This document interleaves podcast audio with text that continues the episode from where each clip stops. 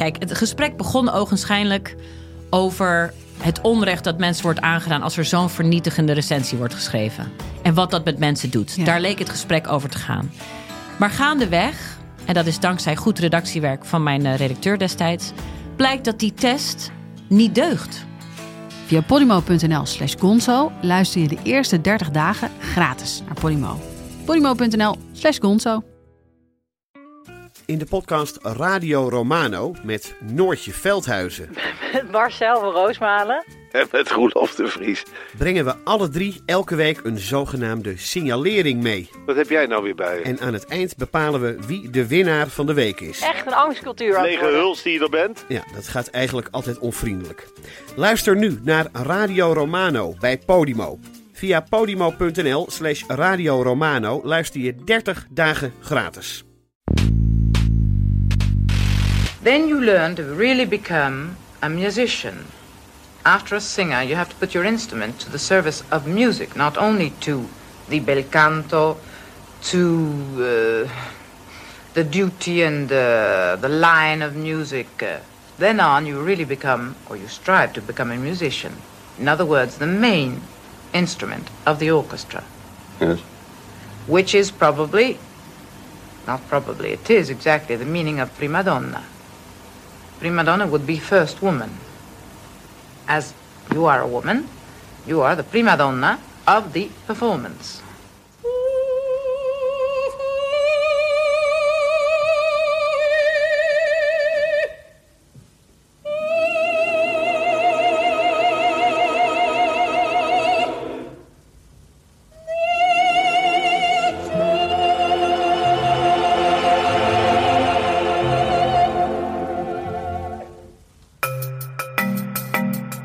Dit is Betrouwbare Bronnen met Jaap Jansen.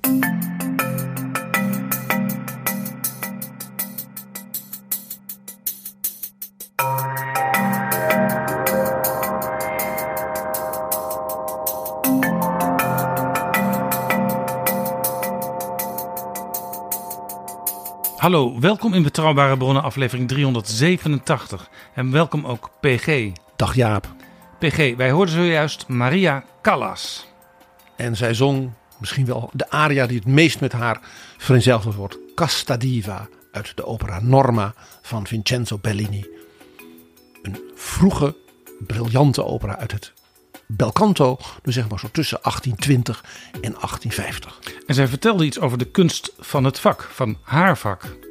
En daar hoor je waarom zij tot de dag van vandaag niet alleen heel beroemd is vanwege natuurlijk haar kunst, maar ook waarom ze zo relevant is. Haar visie op de rol van de zangeres, de zanger, was: jij bent niet een soort decoratie bij het orkest.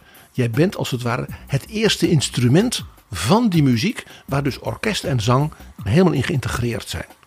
En dat die prachtige manier waarop ze zei: prima donna betekent dus niet eh, diva, jet set. Nee, dat betekent je bent de eerste vrouw die dat geluid moet dragen. Wij gedenken haar deze dagen, wij vieren haar leven, want ze is precies 100 jaar geleden geboren op 2 december 1923. Zij is geboren als Maria Anna Cecilia Sofia Kalogoropoulos. En dat werd al snel ingekort tot Kalos en later vervormd tot Callas. Het woord Kalos betekent in het Grieks mooi. Ja, want haar vader was geëmigreerd vanuit Griekenland naar Amerika. Het is een beetje een Golda Meir verhaal ook. Immigranten die proberen ja, een nieuw leven op te bouwen. En dat gold dus ook voor Maria. En daarom dat ook haar naam, net als bij Golda Meir, werd aangepast aan ja, zeg maar het nieuwe land en het nieuwe leven. Ja, klinkt als een sprookje, maar haar jonge jaren waren niet een sprookje, want haar moeder die verwachtte een jongetje als derde kind en het werd dus een meisje. En het verhaal is dat ze de eerste vier dagen van het leven van Maria haar kind niet eens wilde zien. Het verhaal van Maria Callas en haar jeugd is een heel, heel moeilijk verhaal. Het was niet alleen zo dat ze door haar moeder eigenlijk ja, gewoon slecht behandeld werd. Ook, ook ja, minder, minder waardig geacht ten opzichte van de andere kinderen. Eh, het huwelijk van haar ouders was een heel moeilijk huwelijk. En ze leed er heel erg onder dat haar oudere zus een schoonheid was. En Maria was ja, dikkig en was bijna blind. En had dus hele dikke brillenglazen. Dus daar ging ze erg onder gebukt. Nou, daarbij kwam dat huwelijk, dat ging mis. En vanuit New York, waar zij opgroeide, heeft haar moeder de kinderen meegenomen terug naar Griekenland. En daarom dat beeld, wat altijd is gebleven, van de grote Griekse operazangeres. Maar ze was dus een New Yorkse. En ze zei: Ik heb geen gelukkige jeugd gehad. Mijn moeder die dwong mij om te zingen, zodat we geld konden verdienen. Ik gun elk kind een rustige jeugd waarin weinig dwang zit. En waar je dus niet professioneel wordt uitgebuit. En ze heeft later wel verteld dat toen ze tiener was. En ook door zeer goede leraren in Athene. Uh, ja, ook ontdekt was wat een ongelooflijke stem dat, dat meisje had. Uh, dat haar moeder haar dus ook uh, nou ja, zeg maar uitleende voor leuke avondjes uit.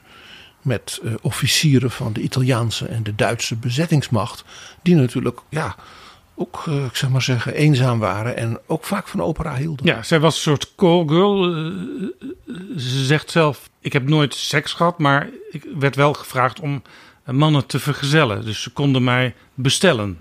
is toch een soort van prostitutie. Uh, zij heeft gezegd, ik ben als kind, want ik was een kind, in dat opzicht door mijn moeder misbruikt. Een van haar allerbeste vriendinnen, het operavak, mevrouw Simeonato, dat was een hele beroemde mezzo, met wie ze ook heel veel zong. Die, nou ja, die vertelde later dat ze zei van uh, Maria had verteld: ik ben wel altijd een kuis meisje gebleven. Zo diep zat dat, die angst bij haar, dus ook voor, voor mannen. Klein detail uit haar eerste jeugdjaren. Zij groeide op in de wijk waar ook Henry Kissinger afgelopen week overleden, 100 jaar geworden, zijn jonge jaren doorbracht. Ja, Washington Heights was een typische immigrantenbuurt. Er was ook toen wij het leven van Kissinger behandelden, Jaap, toen was het ook van dat daar heel veel Duitse Joden als vluchtelingen zaten. Dus ook met elkaar nog een beetje contact ook in het Duits konden hebben. Er was ook een soort Grieks deel van die wijk. En Kissinger kwam daar in 1938 als 15-jarige vluchtelingenjongen. Washington Heights, even voor de helderheid, in New York City. En dat was dus ongeveer een half jaar nadat moeder Callas haar dochter had meegenomen terug naar Athene. Dus door een merkwaardig toeval zijn ze elkaar in hun jeugd dus niet tegengekomen. Dus Callas heeft eigenlijk een, in een aantal opzichten een hele nare jeugd gehad. Waarvan ze ook zelf later wel met enige zelfspot zei. Dat dat voor het operavak in zekere zin ook wel een plus was. Namelijk, je leerde je afsluiten concentreren op dat wat je wel goed kon. Nou, dat was bij haar duidelijk.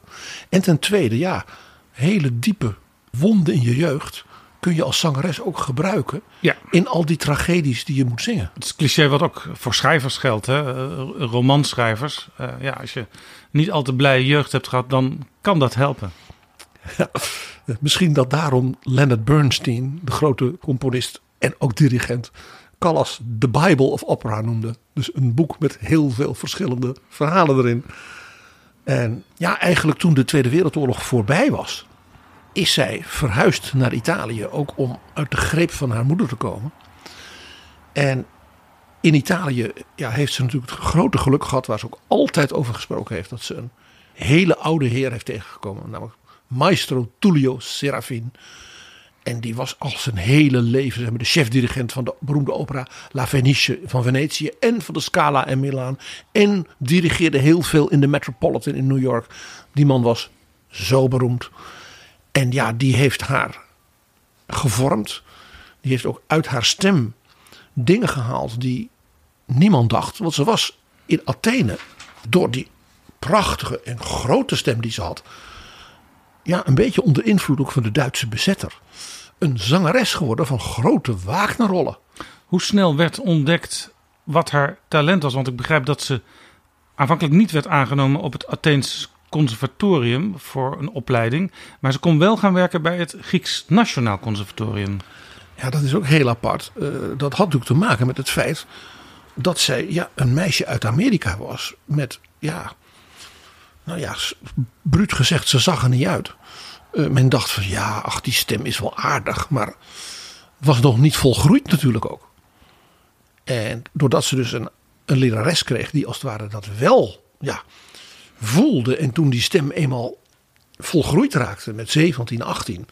Ja, toen was duidelijk dat daar nog veel meer in zat. En het interessante is dus dat Tullio Serafin heeft in Venetië uh, een keer ja, een probleem gehad. Namelijk, zij zong toen een serie van Brunhilde in Die Walküre van Wagner. Nou, daar moet je een stem voor hebben. En hij had, doordat er een uh, soort uh, ja, griepepidemie was, waren alle zangers die hij ongeveer had voor een hele andere opera. Namelijk een opera van Bellini, La Sonnambula, het slaapwandelende meisje. Dus een typische vroeg 19e eeuwse opera. Totaal andere stem heb je daarvoor nodig. Bel canto met heel veel coloraturen. En toen heeft hij gewoon tegen haar gezegd: Maria, ik heb een zangeres nodig volgende week. En ik kan niemand krijgen. Jij gaat dat doen. Dus tussen de uitvoeringen van die Walküre oefende hij met haar die rol. Wetend dat zij ongelooflijk werkezel was. Dat ze echt dag en nacht zat te oefenen, de rol leren. En ze heeft in later een interview gezegd van ja, ik was een jong meisje toen nog. Als zo iemand tegen jou zegt dat is een week, dat kun je. Toen dacht ik ja, hij gaat niet een afgang hebben volgende week met mij op dat toneel. Anders doet hij dat niet. Dus heeft ze ik dacht ik doe het gewoon. En toen werd dus ineens ontdekt dat in die Wagner-zangeres nog een hele andere zangeres verscholen zat in die stem. Namelijk van het meest verfijnde Italiaanse coloratuurwerk. Waardoor ze ook Mozart kon zingen. En waardoor ze natuurlijk verderop, toen die stem zich verder ontwikkelde, een grote Verdi-zangeres werd. Een grote Puccini-zangeres werd. Het Franse repertoire kon. Ze zong, ze zong dus eigenlijk in alle mogelijke talen heel verschillende repertoires. Er wordt wel gezegd, haar zangtechniek was niet altijd onberispelijk. Maar de manier waarop ze de luisteraar emotioneel mee kon slepen, ja, dat, dat ging boven alles. Ja, haar stembeheersing was bijna volmaakt.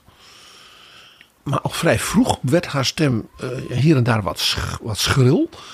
Daar speelde nog iets bij. Zij zei altijd, en dat was dus ook weer haar idee van muziek. Hè? De prima donna assoluta is niet een nachtegaaltje wat je aanzet. Ze zei, je moet lelijk zingen. Ze zei, er zijn momenten in een opera. Hè, als jij koningin Anna Bolena bent en jouw man verraadt je. En laat je onthoofden. En je krijgt dan die slotscène. Ja, dan moet het niet alleen maar mooi zijn. Zij durfde dus, ook in zo'n opera als Tosca, bewust lelijk te zingen. Om natuurlijk dat publiek ook te, te confronteren met kijk wat met deze vrouw gebeurt. Ja, je hebt me bedrogen, dat moet je niet op een vrolijke manier zingen. Toen zij gestopt was met zingen, heeft de grote Italiaanse cineast Pier Paolo Pasolini haar gevraagd voor een film over de Griekse mythe van Medea. Dus die vrouw die haar kinderen vermoordt om wraak te nemen op haar man. Want hij zei: Ik heb jou gezien, ik was een twintiger, als in de opera Medea. Ja. En de enige die dat kan, ben jij. Want ook in die opera durfde jij lelijk te zingen.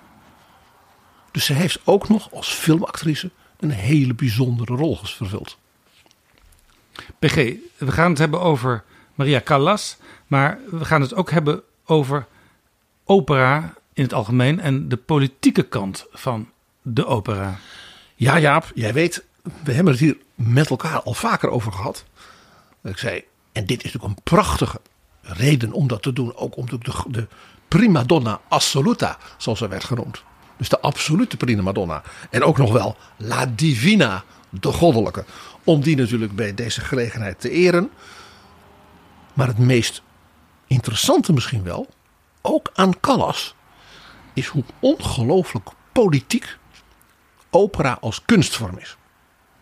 En dat is zo bijzonder, want opera is ook de meest complexe kunstvorm in opera, en daar was met name Callas ook een van de grote aanjagers van, worden bijna alle kunsten geïntegreerd. Het is poëzie, het is, je moet toneel spelen, je moet zingen, je hebt muziek, niet alleen maar zang, maar dat. Decoratie, aankleding, regisseur die een idee heeft van wat hij wil vertellen. Allemaal in één geheel. Dus je moet als operazangeres, in dit geval dus mevrouw Callas, al die dingen moeten als het ware onderdeel zijn van wat jij doet. Het is niet alleen maar zingen, het is ook wat voor kleding heb je aan? Hoe gedraag je je? Ben je een verschoppeling uit het volk? Of ben je een godin uit het oude Griekenland? Ja. Wil die regisseur het publiek bij de strot grijpen met zeg maar, de harde politieke boodschap van deze opera?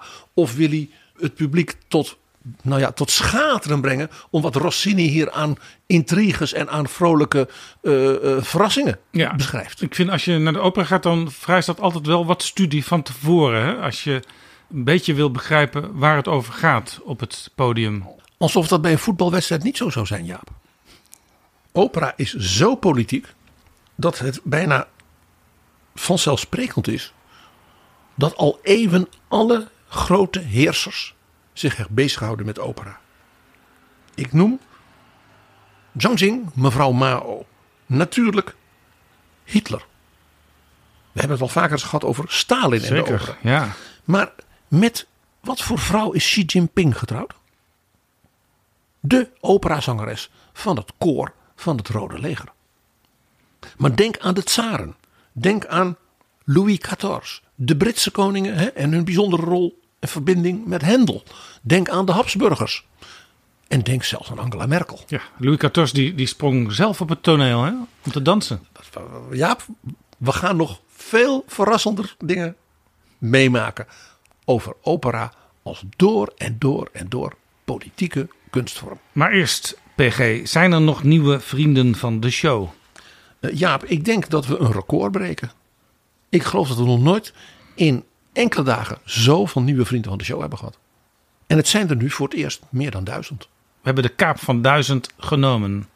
En jij weet nog dat jij mij in september voorspelde, misschien wel voor de kerst als ik dit zo zie. En dat, ik het gelukt. niet geloofde. Het is gelukt, PG. Het is nog voor Sinterklaas zelfs, Jaap. Wat een cadeau. We zijn al die meer dan duizend vrienden van de show zeer dankbaar. Maar ik noem natuurlijk nu vooral de nieuwe.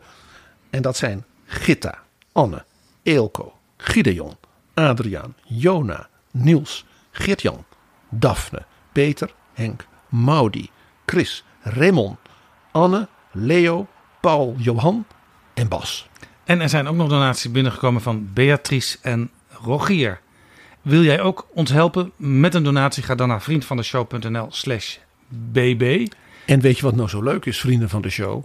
Met enige regelmaat kunnen wij ook weer iets laten doen om te blijken dat we u echt waarderen. Zoals bijvoorbeeld het beschikbaar stellen, dankzij uitgeverij Boom, van vijf exemplaren van het boek van Peter Bootsma, Jan de Koning, een biografie. En de Als winnaars, het niet kan zoals het moet, dan moet het maar zoals het kan. En de winnaars zijn Gijs uit Sint-Lambrechts-Woluwe in België, Gideon in Nijmegen, Dennis uit Barneveld, Laura in Terkaple in Friesland en Noah uit Leiden. Alle vijf van harte gefeliciteerd en het boek is, als het goed is, onderweg. Geniet van dit prachtige boek. En Laura, een van de winnaars dus, zegt: Ik heb honger naar dit boek. In een tijd dat een groot deel van de Nederlandse bevolking schijnt te zijn vergeten hoe belangrijk de solide middenmotor is voor het bestuur van ons land. De solide middenmotor, zoals Jan de Koning zichzelf met lichte zelfspot noemde. En Chris uit Nijmegen zegt: Wat een prachtige uitzending over Jan de Koning. Hier komt de historische kracht van betrouwbare bronnen ten volle tot zijn recht. Ik vind Jan de Koning een van de naoorlogspolitici die ik het meest respecteer. De tranen schieten je in de ogen als je bijkomt uit de aflevering en weer terug bent in de huidige politieke situatie. Chris uit Nijmegen. Floris uit Leerdam. Ja, we krijgen allerlei mails binnen PG. Eindelijk een biografie over Jan de Koning. De man met de grote handen en zijn vrouw Mol. Ik had nog nooit van de man gehoord totdat ik BB ging luisteren. Lang leven de anekdotes van PG over Jan de Koning. Dankjewel Floris. Wat Ja, dit doet me wat. En Robin zegt: Als vriend van de show wil ik jullie allereerst bedanken voor de vele interessante afleveringen die jullie elke week weer produceren. Dit geeft mij de nodige context bij de dagelijkse politieke ontwikkelingen die zich in rap tempo opvolgen en helpt mij het nieuws beter te duiden. Als trouwe fan van betrouwbare bronnen ben ik dankzij PG uiteraard enigszins bekend met Jan de Koning. Maar jullie meest recente aflevering over hem heeft mijn interesse in de persoon en politicus de Koning verder aangewakkerd. Keep up the good work. En dan ook nog Foppe Harmon uit Oostenbrug. Wat een heerlijke aflevering. Deze keer over Jan de Koning. Een prachtig portret waarbij het persoonlijke aspect zijn rol in de geschiedenis zo goed inkleurt. Voor iemand die de kabinetten Lubbers alleen uit vroegste herinneringen kent, komt er weer een puzzelstukje bij over hoe Nederland zich ontwikkeld heeft tot wat het nu is.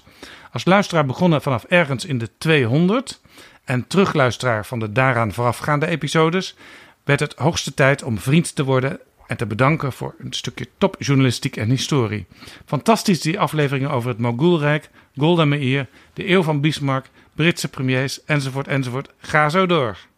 PG, weet je trouwens dat er een liedje is gemaakt van eigenlijk de titel van dat boek. Als het niet kan zoals het moet, dan moet het maar zoals het kan. De iconische Jan de Koning regel. Daar wees onze vriend van de show Joris Hillebrand mij op.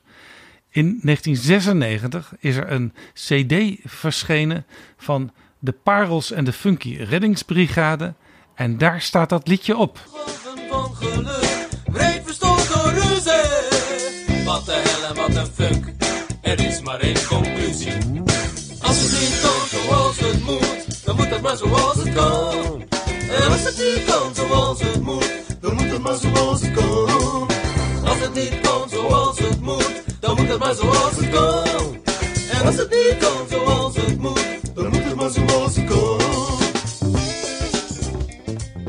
Dat waren de Parels en de Funky Reddingsbrigade, ook bekend van Ik hunker naar punk, de klompendans, broodje vis en alle remmen los. Jaap, wat moet ik hier nou van vinden? Je maakt van onze Jan de Koning een soort DJ Jopie. PG, als het niet kan zoals het moet, dan moet het maar zoals het kan. Nou, weet je wat ik denk? Molly zou hier heerlijk op hebben gedanst. En dan nog, tot slot, kreeg ik een mailtje van Menno Oerlemans. En dat is een jongen met wie ik in de klas heb gezeten op de middelbare school. Dat meen je niet. En eigenlijk sindsdien hebben we elkaar uit het oog verloren, nooit meer gesproken. Eh, maar hij schrijft: Ik luister al sinds het begin met veel plezier naar de verhalen van jou en PG. Net zoals ik nog wel eens terugdenk aan de discussies in het Jeroen Bos College in Den Bosch. En hij schrijft: In de podcast ging je in op het nummer van Billy Joel over de Vietnamoorlog. Jan Rot heeft ooit een hertaling van dit nummer gemaakt. En deze laat hij afspelen in Indonesië tijdens de politionele acties. Het nummer heet Guna Bandung. En PG, dankzij Menno Oerlemans laten we daar nu een stukje van horen. We kwamen bozen zo uit de en gingen onder in tropenkolder.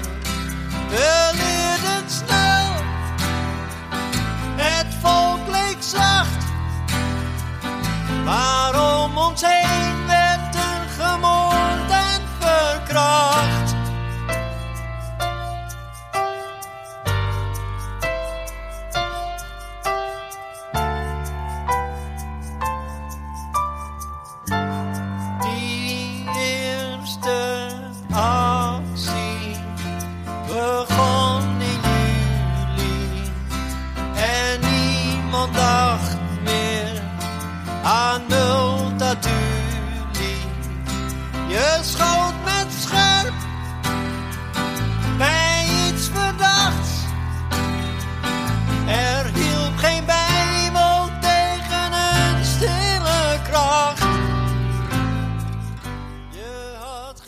Dit was Jan Rot in zijn hertaling van Goodnight Saigon.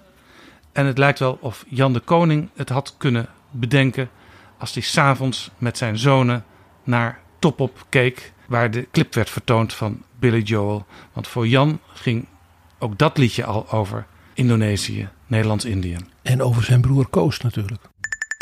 Dit is Betrouwbare Bronnen. PG, je had het net al over opera als integratie van alle kunstvormen. wanneer is opera eigenlijk ontstaan? Hoe lang geleden? Ja, het is, die integratie is natuurlijk als daar een soort groeiproces geweest van de verschillende kunstvormen die aan, met name natuurlijk in steden en aan hoven, eh, ja, werden gepraktiseerd. En eigenlijk zeg maar in de eerste helft van de 17e eeuw in Italië. Dat men dans en muziek en zang en dan daar een toneelding van maken als een lied ontstaan. En eigenlijk de eerste zeg maar, grote operacomponist die dat helemaal, dat geïntegreerde voor elkaar kreeg, was Claudio Monteverdi. Monteverdi. En meteen ook in het werk van Monteverdi zie je dus die merkwaardige politieke kant. Namelijk dat die verhalen die dan op dat toneel worden gebracht, dat zijn nooit zomaar sprookjes. Het zijn altijd dingen uit de klassieke oudheid, want dat was natuurlijk hè, de tijd van de renaissance van belang, of de klassieke literatuur, die eigenlijk een soort, wat men in die tijd vorstenspiegel noemde. Waarbij dus de heersers lieten zien aan elkaar, aan hun hof, maar ook aan hun volk. Dit is bijvoorbeeld wat een koning is. Dit is het lot van een koning. Dit is hoe een heerser, als het een slechterik is. Of juist een goeierik is. En dus bijvoorbeeld, een van de beroemdste opera's van Monteverdi is L'Incoronazione di Popea. De kroning van Popea. Dat gaat dus over een dame van lichte zeden. Die het hart van keizer Nero, een slechterik natuurlijk, hè, verovert. En uiteindelijk keizerin van Rome wordt. En dat gaat ten koste van de man die Nero tot een goede vorst probeerde op te voeden, de jonge Nero. Namelijk de filosoof Seneca. Nou, dan hoor je al, dit is een zeer politiek verhaal. Een vorst moet een wijsgeer naast zich hebben. He, zoals Alexander de Grote Aristoteles, zo had Nero Seneca. Maar dan komt er een slechte vrouw. Ja, en die verpest het allemaal. Dit zijn natuurlijk verhalen die je onmiddellijk moet zien als in feite een soort politiek statement. Ik herinner me van uh, koningin Beatrix als zij op staatsbezoek ging. Dan nam ze vaak ook een, uh, een concert mee of een ballet, het Nationaal Ballet bijvoorbeeld. Maar eigenlijk had ze dus, dus uh, nog een laagje dieper kunnen gaan en een opera met een dubbele betekenis kunnen laten zien.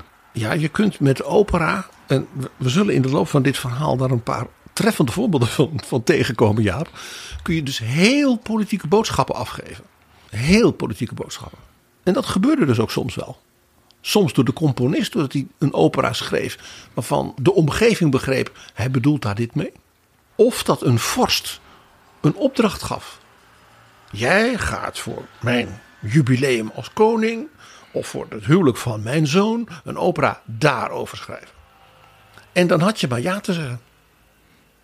Er was dus ook in die tijd, in de 17e, 18e eeuw, een heel groot repertoire van opera's. Veelal ontleend aan de Griekse, Romeinse zagen en de geschiedenis van het oude Rome, maar ook van de Germanen. En, en, dat, en het oude Perzië was ook heel populair. En die opera's, die teksten, die waren gewoon klaar. Die waren bijna allemaal van meneer Metastasio, die heette zo. Zeg maar de Shakespeare van die tijd. Dat was een soort Shakespeare van die tijd, van in Italië. En die teksten werden als het ware voortdurend gerecycled door componisten. Dus je hebt van bepaalde toneelstukken van meneer Metastasio... heb je wel 17 verschillende opera's. Waarom? Want dat verhaal dat had dus een hele sterke politieke, ook morele lading. Daarmee, als een koning dus dat aan zijn hof opvoerde... dan gaf hij daarmee ook een statement. Dus iedere vorst die een beetje mee wilde tellen in Europa... Ja, die had zijn eigen operagezelschap. Die had zijn theater. Daar werd muziek, daar werd gedanst en daar kwam dus opera. En jij wees al op een van de meest iconische vorsten van de 17e eeuw. Ja. Louis XIV, de koning van Frankrijk. Eigenlijk de benchmark van de absolute monarch.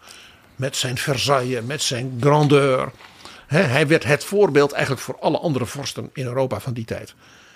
Niet alleen had hij in Versailles, wat nog steeds wordt gebruikt, een subliem operahuis. Gewoon in het kasteel. Gewoon, hè? Dan liep je door een gang. Ja, hierachter is de opera. Serieus. Zo zijn er overigens in heel Europa overal nog kastelen met daarbij hun oorspronkelijke opera. Ja, en, en, Die zijn heel interessant. en die opera in Versailles, kun je daar ook nu naar voorstellingen toe? Die wordt nog gebruikt, zeker. Maar wat deed de jonge Louis XIV? Want Louis XIV was een mooie, knappe, grote man. Zeker voor een Fransman. Beetje de Gaulle-achtig. Had ook zo'n neus trouwens. Eh, en was heel sportief. En heel muzikaal. Dus als er een opera was. En er was een bijzonder slot met een koor en een ballet. Dan verscheen ineens op het toneel een jonge danser. In een schitterend kostuum.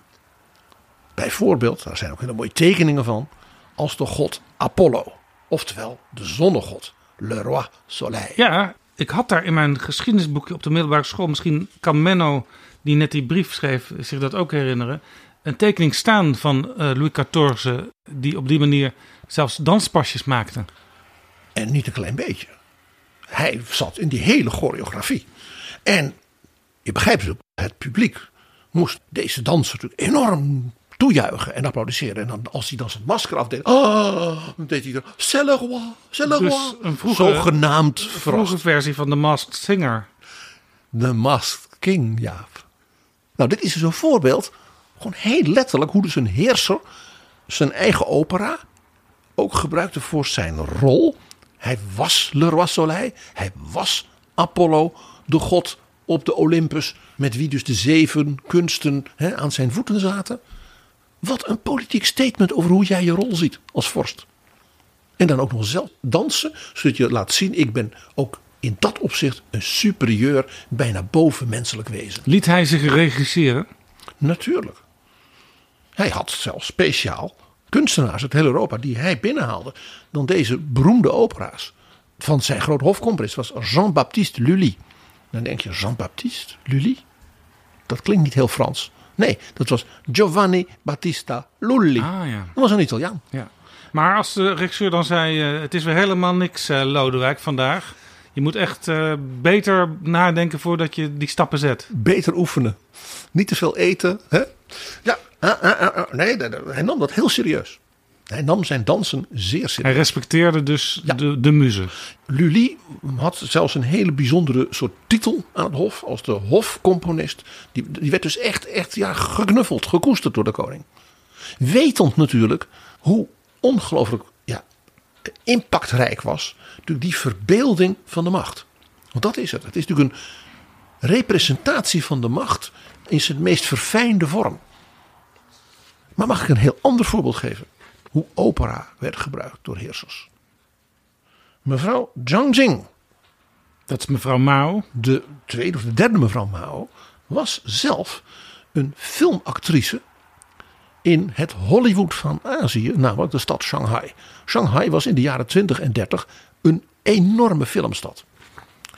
En zij groeide daar op en werd een soort ster. In het begin nog met de stomme film. Zeker. En nou ja, zij eh, sloot zich dus aan bij de rebellen van Mao en zij werd zijn vrouw. En toen hij heel oud was, werd zij natuurlijk steeds machtiger. Want zij was natuurlijk de, de vrouw hè, tot die als het ware de oude heerser natuurlijk beschermde, maar dus ook afschermde. Ja. Dus eh, zij had een soort eigen linkervleugel in de partij. Die dus de meer, eh, ik zal maar zeggen, mm, gematigde vleugel rond Zhou Enlai en Deng Xiaoping natuurlijk bestreed. Ja, de, de, de gematigde vleugel die wel zag dat je ook nog een beetje internationaal moet handelen om eh, geld binnen te krijgen wat je dan volgens wel aan de revolutie kan besteden. Zij, zij vond zelfs dat niet eh, te doen. Eigenlijk was dat voor haar ook taboe. Dat was taboe. Dus toen president Richard Nixon naar Beijing kwam. En dat was natuurlijk helemaal voorbereid door Henry Kissinger. We noemden zijn naam al. En Zhou Enlai. Nou, we hebben daar een hele betrouwbare bron aan gewijd aan die geheime reis. Toen was zij daar niet van op de hoogte. En zij vond dat dus helemaal niks. Dus toen heeft zij geregeld dat in het bezoek van de president. mevrouw Mao hem dus een avond een operavoorstelling aanbood. En daar zat dus Joe Enlai bij en de hele Amerikaanse delegatie. En de hele zeg maar, partijtop. En vooral natuurlijk haar linkervleugel, die waren er allemaal. En daar werd dus een toneelstuk opgevoerd en opera opgevoerd. En dat ging in feite over revolutionaire meisjes. Die verschrikkelijke kapitalisten bestreden. En dat eindigde dus in de totale overwinning van de revolutionairen op feodalen, kapitalisten en Amerikanen. Ja, dat is overigens altijd zo gebleven. Want ik ben, uh, was in Beijing geweest en, en daar kregen we s'avonds ook zo'n opera te zien. Dat zat gewoon in het pakket. Dat was gewoon verplicht. De heerseres van China dwong iedereen die daar kwam om daar naartoe te gaan. En ze had dus zelfs een serie door haar gedicteerde en goedgekeurde opera's. Want alle oude opera's van de, keizertijd die waren natuurlijk verboden. Maar nu had je de Yang Banshi, de modelwerken. Dat waren de officiële opera's, die mochten worden uitgevoerd. En dan werden er opdrachten verleend. Het is dus letterlijk, ja, alsof je bij Louis XIV en Jean-Baptiste Lully bent. Voor een nieuwe opera, maar die moest dan wel helemaal kloppen volgens het model van voorzitter Mao. Ja. Want zoals dat werd geschreven, voorzitter Mao zei: de opera heeft te dienen de belangen van arbeiders, boeren en soldaten en moeten conform de proletarische ideologie zijn. En betekent dit dat Mao zelf nooit andere opera's zag dan dit soort opera's? Mao hield helemaal niet van opera. Nee, maar je hoort vaak over een dictator dat hij ondertussen bijvoorbeeld in zijn eigen filmzaal nog hele andere dingen ziet dan het volk mag zien. Zoals we dat weten van de familie Kim. Uh, Mao hield van literatuur. Dus Ma Mao was ook echt een groot literatuurkenner. Was ook een, groot schrijver en dichter. Ja. Maar die hield dus helemaal niet zo van opera en van uh, toneel en dat soort dingen. Dat was echt iets van haar. En zij gebruikte dat dus bijna als een feodale heerser van de 17e, 18e eeuw. Ja. Om haar eigen ideologische stempel op China te drukken. De oorsprong van hun liefde voor elkaar is dus ook niet ontstaan in het operahuis. Nee. Jaap, wat voor opera's waren dat nou? Die Yang Banshi van mevrouw Zhang Jing. Nou, bijvoorbeeld de overval op het Witte Tijgerregiment. En deze opera speelt in 1953, dus het is een modern eigentijd stuk. In de oorlog tegen de Amerikanen in Korea. En het viert dus de gezamenlijke proletarische revolutionaire vereniging van de legers van Noord-Korea, van Kim Il-sung en van het China van Mao. En samen verslaan zij Zuid-Korea en de Amerikanen. En om een idee te geven, wat is misschien wel de beroemdste aria in deze opera? Versla de imperialisten die smerige wolven. Overigens, die Korea-oorlog, daar waren ook Nederlandse soldaten bij betrokken. Zo'n beetje net als eh, Jan de Koning betrokken was in Nederlands-Indië. Die konden niet weten dat zij dus een object waren van een opera door de vrouw van de partijleider.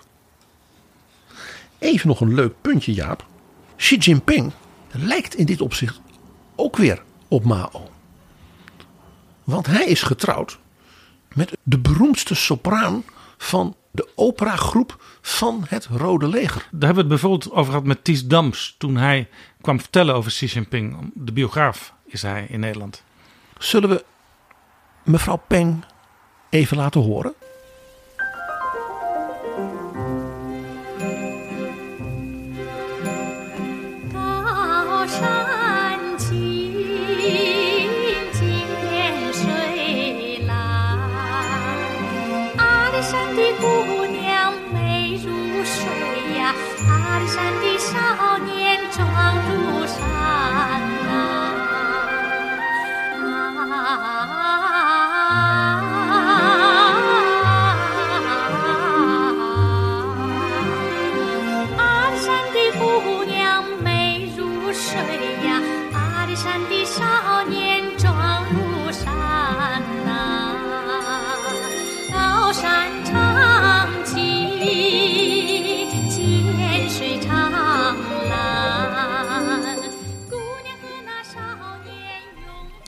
Nou Jaap, we hoorden hier mevrouw Peng, dus de ega van Xi Jinping.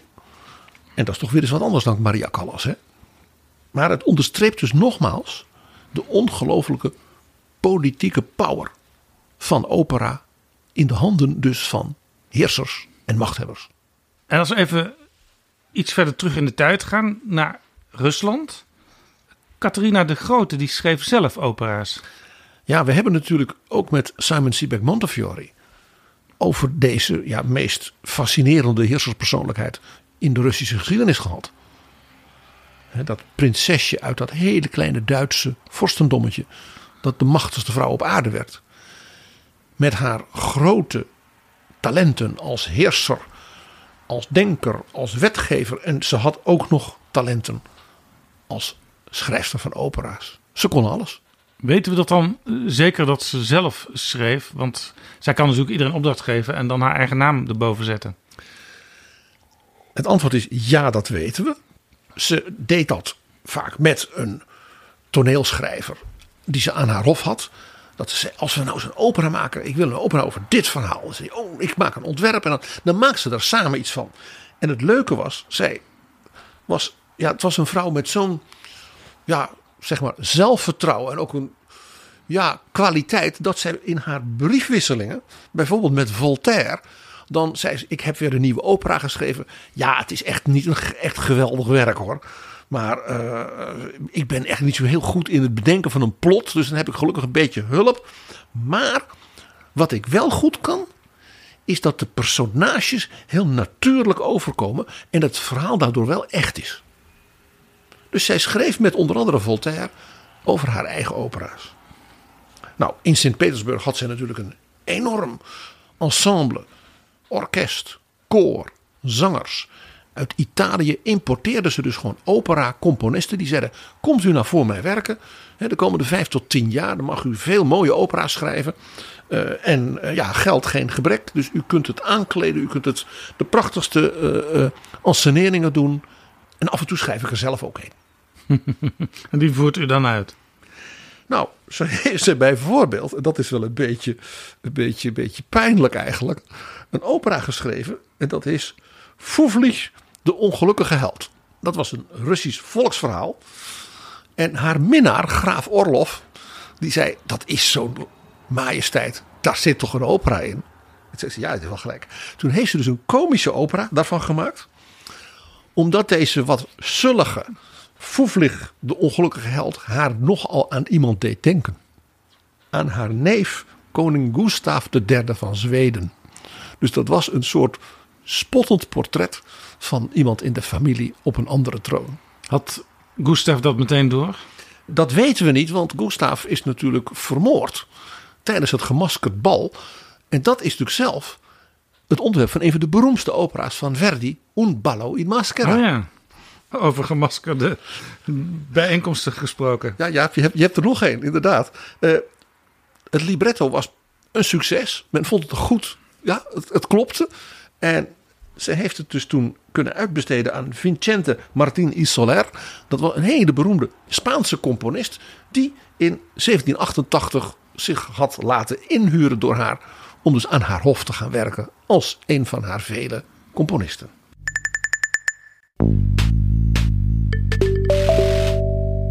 Dit is Betrouwbare Bronnen. Een podcast met betrouwbare bronnen.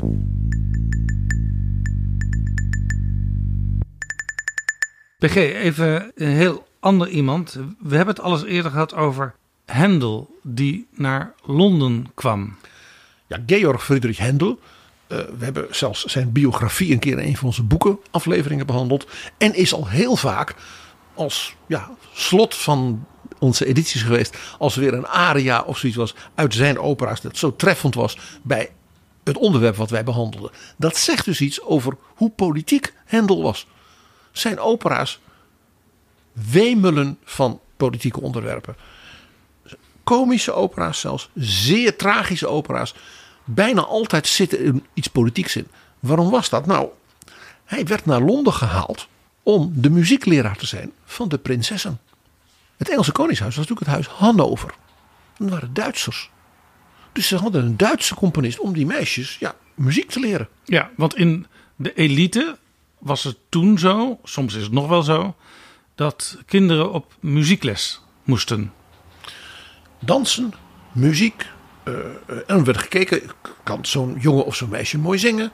Dat hoorde dus bij, wat ik al zei, die vorstelijke representatie van de macht. Zo, hè, zoals Louis XIV danste, zo moest dan bijvoorbeeld zo'n Duitse prinses in Londen moest kunnen zingen. Ja, het is ook wel mooi als je bijvoorbeeld uh, een huwelijk had, een koninklijk huwelijk, als dan een van de prinsjes in het koor meezingt. Ja. Om maar iets te noemen, PG. Ja. Dus Hendel kwam naar Londen en ontwikkelde daar, zoals we toen ook verteld hebben, een ja, eigenlijk een soort Joop van de Ende-achtig bedrijf. Hij was zijn eigen impresario, had zijn eigen theater, zijn eigen gezelschap. En schreef voor dat gezelschap, die zangers, die zangeressen, het koor, het orkest, ook nog zelf de opera's.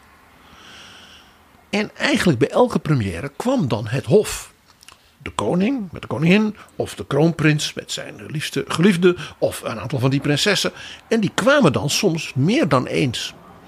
Dus dat betekent dat als jij in Londen, in Engeland iets voorstelde. en jij was dus uh, politiek of maatschappelijk belangrijk. dan zorgde jij dat jij daar in die zaal zat. Ja, want het was natuurlijk ook een soort netwerkbijeenkomst. Uh, in de pauze en ervoor en daarna. Net als premières, ook nu nog vaak. Maar toen natuurlijk helemaal, want het was natuurlijk de enige manier om dicht bij de vorst te zijn in een niet formele maar toch heel politieke situatie. Ja. Het was dus ook niet zo toeval, dus dat Hendel precies wist. Hij was impresario aan welke kant zijn boterham gesmeerd werd. Dus de opera's die hij maakte, hij zorgde elk seizoen voor meer dan één. Hè? Dat was gewoon meerdere werken. En daar moest dus variëteit in zitten. Maar ze moesten natuurlijk wel zo zijn dat zo'n vorstelijke persoon daar zeg maar, wel naartoe kon. Dat het niet een verhaal was dat je van ja, dat kan ik me gezicht niet laten zien als koning. ja. Dus hij deed, wat dat was hij nog echt van, van ook een beetje in de traditie. Dat die opera's zoals die van meneer Metastasio, dat soort verhalen, liet hij dan in het Engels. In het begin in het Italiaans, later ook in het Engels. Herschrijven, daar had hij ook weer auteurs voor die hij daarvoor betaalde. Die waren vrienden van hem. Heel veel van zijn briljantste opera's gaan over vorsten. Zijn absolute meesterwerk, ik heb het al eens een keer eerder in Betrouwbare Bronnen genoemd, is ook de opera Saul over de koning van Israël uit de Bijbel. Ja. die dus langzaam een groot heerser is, een groot militair. Maar dan merkt, is argwanend. En dan komt die jongen, die David, die herder, die dan Goliath doodt. En dan is hij jaloers. Dan denkt hij, God heeft een opvolger voor mij in de aanbieding. En die is populair bij het volk. En hij gaat dus langzaam wordt helemaal gek. Nou, dat portret van die Saul, dat is een van de meest briljante opera dingen. Hoe het karakter van iemand helemaal als het ware verandert. al zingend in aria's en duetten. En dat was natuurlijk een prachtig voorbeeld van een waarschuwing. Van een vorst moet dus oprecht zijn. Moet zijn onderdaan ook zijn eenvoudige herdersjongen is. Moet hij goed behandelen. dus de, de boodschap daarin was ook weer heel politiek. Maar als je gaat doordenken dan is bijna elk verhaal gevaarlijk voor een zittend heerser. Ja, een ander voorbeeld is zijn opera Agrippina. In het Italiaans is dat een vroegere opera van hem. Dat gaat over de vrouw van de Romeinse keizer Claudius. Die van alles probeert aan intriges om haar zoon Nero op de troon te krijgen. En dan blijkt dus haar man Claudius verdronken te zijn met de vloot. En dan denkt ze, dit is mijn kans. En dan pleegt ze een soort staatsgreep voor die jongen. En dan blijkt hij helemaal niet verdronken te zijn. Dus komt hij op het laatste moment komt hij terug. En op een ongelooflijk sluwe manier weet ze het dan zo te, te, intrigeren dat het juist goed was dat zij die staatsgreep had gepleegd. Want daardoor was verhinderd dat slechte mensen hè, de kans hadden genomen om de troon van keizer Claudius af te pakken. Dus die opera, nou ja, ik hoef jou niet uit te leggen hoeveel politiek hierin zit. Het ging zo ver dat Hendel ook verhalen buiten Europa dus uit legendes, uit mythes en ook uit geschiedenisboeken gebruikte. voor om weer eens een ander spannend operaverhaal te maken. Een van zijn allerbeste opera's is de opera Tamerlano. Dat gaat over Timur Lenk, de grote Mongoolse ruiterheerser. die net als Kublai Khan en, en al die grote heersers in de middeleeuwen zijn stempel drukte ook op Europa. Ja, de voorvader van de Mughal-vorsten van India. Ja, precies. Timur Lenk was dus de voorvader van de vorsten in India. En hij schreef dat in de tijd dus dat de Britten zelf de heersers in India waren geworden. Ja. Schitterend stuk, Tamerlano. Heel ongebruikelijk. En natuurlijk een van de beroemdste en meest populaire vorstenopera's van Hendel is de opera Solomon. Salomo dus. En dat gaat over die koning uit de Bijbel. Die natuurlijk het voorbeeld is van rechtvaardigheid en wijsheid. Denk aan de spreuken van Salomo. Een heel Bijbelboek. Met alleen maar wijsheden. Die allemaal dan van Salomo komen. Dus de opera gaat over zijn rechtvaardigheid. Zijn mildheid, zijn wijsheid. Je, voert- al de hele politieke boodschap. Hè? Een koning moet rechtvaardig zijn. En ja, daar moest natuurlijk wel een mooi verhaal in. De koning wordt verliefd op de koningin Van Jemen. van Jemen. Sheba. Een allochtone vorstin die hem komt opzoeken. De Queen of Sheba. En het wordt niks, want zij wil niet zijn geloof overnemen. Dus omwille van het geloof neemt hij afscheid van haar. Maar het is ook een heerlijk verhaal van een componist. Want dan kun je ook duetten en verliefdheidsscènes. Hè. Alles kun je doen. Het is dan ook geen wonder dat een van de allerpopulairste stukken in de klassieke muziek. die nog altijd wordt uitgevoerd. is The Arrival of the Queen of Sheba. Uit de opera Solomon van Hendel. Dus Hendel was echt van alle markten thuis. En hij wist, onder alles ligt een politieke boodschap. En als ik het nou zo draai deze keer, dan begrijpt men waarschijnlijk ook nog wel wat ik ermee wil zeggen.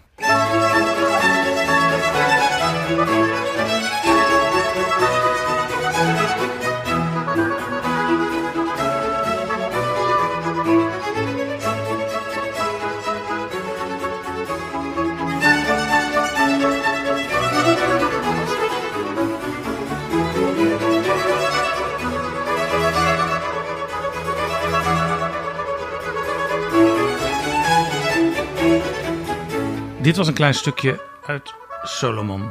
Jaap, we hebben dus nu Engelse opera's. Die gaan over Mongoolse vorsten en zelfs de koningin van Jemen.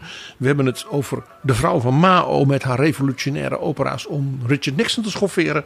We hebben het over de grote vorstin van Rusland. Die haar eigen libretti schreef. Ja, dat is waar eenmaal. Ja. Kunnen we ook eens kijken naar de politiek in de huidige tijd? Ja, het idee dat opera een soort ver- ver- ver- vervallen kunstvorm is van oud en oude verhalen. Ja, die zijn er maar, zoals ook bleek uit, de, uit dit nu, extreem actueel. Maar er zijn ook opera's van nu over gebeurtenissen, mensen en politiek van nu. Deze zomer zijn heel veel mensen naar de film Oppenheimer gegaan. Die is geïnspireerd door de opera Dr. Atomic van de componist John Adams. En we hebben natuurlijk al eerder besproken, PG, de opera van John Adams over Nixon. Nixon in China. Ja. Waarbij we dus een verbinding ook nog hebben tussen mevrouw Mao, die ook in die opera als figuur optreedt, nota bene. En er is natuurlijk ook een opera gemaakt over Gandhi door Philip Glass. Satyagraha heet die opera. Dat gaat dus, dat is het, geloof ik, het, het, het woord wat Gandhi gebruikte voor eh, geweldloosheid. Dus dat is een hele filosofische opera, waarin dus ook ja, wordt nagedacht eh, in koren en in muziek. En ook de figuur Gandhi, die dan als zanger optreedt. Bijvoorbeeld ook over de betekenis van Gandhi voor Martin Luther King. In Amsterdam is niet zo heel lang geleden een opera ook in première geweest van een Rus, Alexander Raskatov. Ik ben daarbij geweest. Opera Een hondenhart.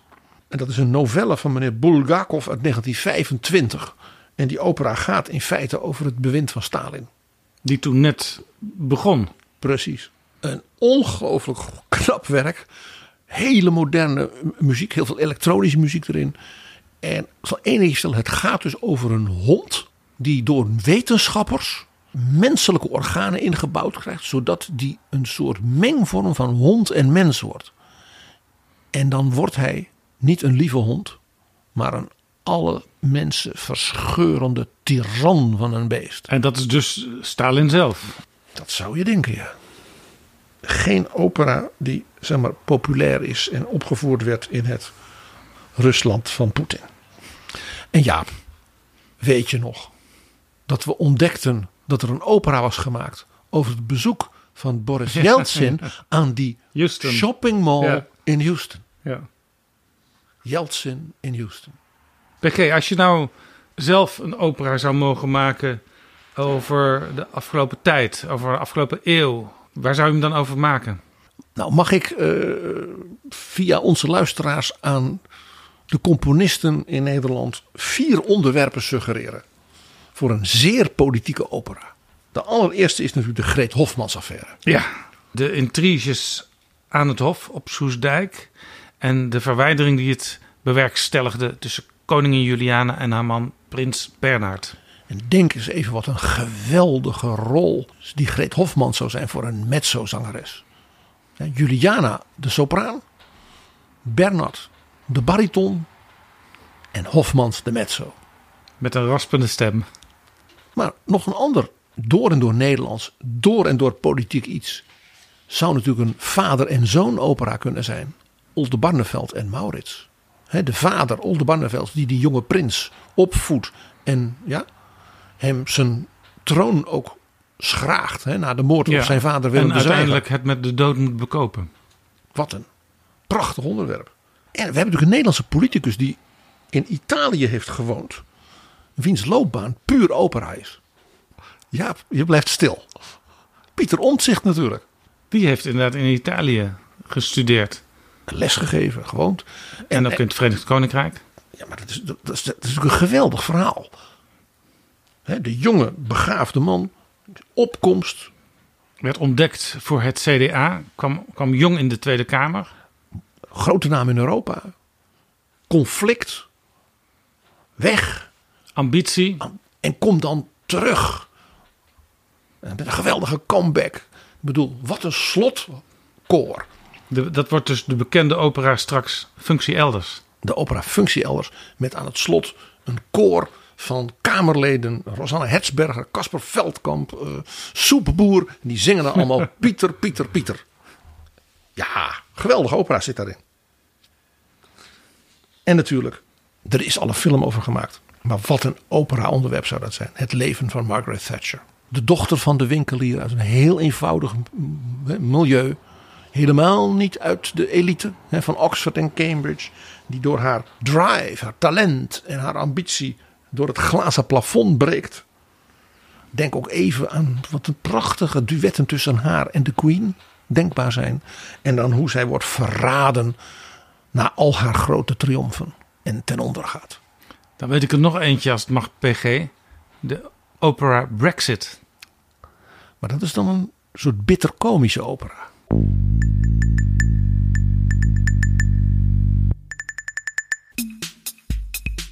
Hoi, ik ben Alexander Klupping. Ik weet dat jij, net als ik, met heel veel plezier luistert naar betrouwbare bronnen. Maar je zou Jaap en PG echt helpen als je nu vriend van de show wordt. Dat kan met een donatie, per maand of per jaar. En dan kunnen ze nog veel meer afleveringen maken en zeg nou zelf, dat wil jij ook. Dus ga nu naar vriendvandeshow.nl slash bb. En doe het niet straks, maar nu. PG, jij vertelde ons over de opera als hofkunst. Maar goed, op een gegeven moment eh, kwam de wereld in de ban van revolutie en de weg naar democratie.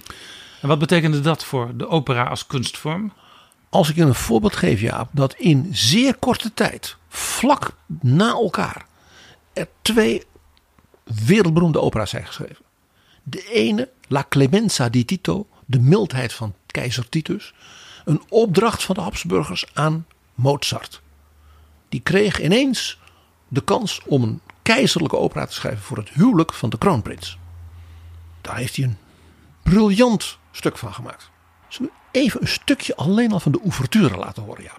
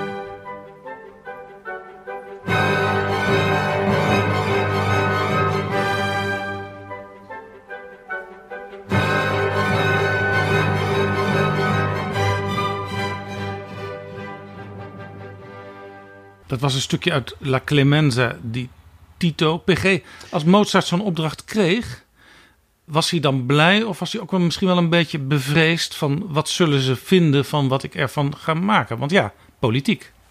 Het was heel politiek. Dat was hofintriges. Welke adellijke familie was in aanzien op dat moment en die hadden een protégé of niet? Eh, we weten dat Mozart aan alle kanten werd tegengewerkt door bijvoorbeeld de officiële hofcomponist meneer Salieri. Ja. Maar goed, voor deze keer mocht het dan.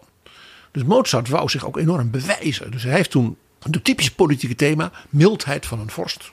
Wordt een staatsgreep gepleegd in die opera tegen die koning. Hij vergeeft iedereen.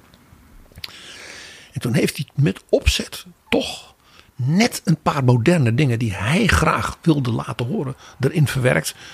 Dus de kans dat hij nog een keer een opdracht zou krijgen, was zeer gering. Maar ja, hij was heel snel daarna overleden. Vlak daarna, ja. Beethoven, zijn opera Fidelio.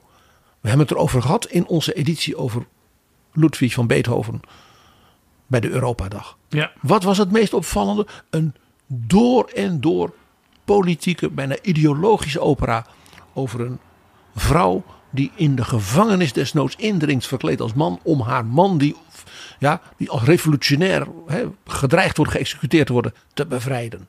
Een totaal andere manier dus van opera maken. Ineens dus vanuit een ideologische, politieke standpunt bijna een soort rebellenverhaal. Het absolute tegendeel dus van La Clemenza di Tito. Dus hoe je in nou, 10, 20 jaar als daar dat helemaal omdraait. Na de Franse Revolutie, het congres van Wenen en dus dat al die na Napoleon staten zich gingen vormen, ontstond natuurlijk met de romantiek ook het idee van de nationale identiteit en de nationale staat. Ja, Want de nationale staat, samen. de Ja. nationale staat is een bedenksel. Ja. Een ook artistiek en politiek bedenksel. En dus nationale staat, nationale identiteit en opera, die horen bij elkaar. In de 19e eeuw kreeg je natuurlijk die nationale opera's.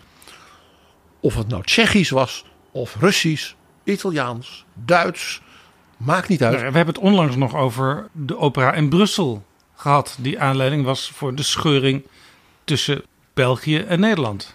Want die opera ging over een opstand van het volk tegen een onderdrukkende koning, nota bene die van Spanje. Dus dat maakte het nog wel ironisch ook. Dus wat moest opera ineens gaan doen? Een soort glorie van de natie en van het volk. Dat was dat revolutionaire aspect eraan. Ja, dat was in feite hetzelfde wat mevrouw Mao deed in China. Mevrouw Mao was op haar manier dus heel klassiek. Bij al het revolutionaire gedoe. Dus de opera ging ineens zich oriënteren op de nationale cultuur. Dan moet je dus denken aan opera's dus van toneelschrijvers die bij ons land horen. Poëzie van onze tijd en ook van vroeger. De folklore, de typische melodieën, de dansen, de aankleding, de geschiedenis van ons land. Wat dus een bedenksel was. Daarmee is dus alles wat je doet extreem politiek. En daar is een geweldig voorbeeld van. Dat is de opera Boris Godunov. Misschien wel de allermooiste Russische opera. Gemaakt door Modest Mussorgsky. En ja, dat was natuurlijk een, een, een no-brainer, die opera. Want dat was het toneelstuk van de Russische dichter en toneelschrijver Alexander Pushkin. Een lieveling van de tsaar, van tsaar Nicolaas I. Het rolmodel van Poetin. Dus dat toneelstuk, daar ging hij een opera van maken. Hij heeft er alleen maar ellende van gehad. Want de tsaar, dat was natuurlijk niet Nicolaas, dat was veel later, kon natuurlijk niet zeggen: nee, dat mag niet. Het was wel zo dat in die tijd elke opera moest worden voorgelegd aan de censuur van de tsaar. Serieus. Die had er een speciale soort afdeling die dus bewaakte of die opera's bijvoorbeeld het volk niet in opstand zouden brengen of verkeerde boodschappen zouden geven. Hoe politieker kun je het krijgen? Ja, dat was een soort ministerie, het ministerie van censuur. Ja. En daar ging alles langs wat maar enigszins eh, in aanraking met het volk zou kunnen komen. Dat het verkeerd begrepen zou worden. Ja.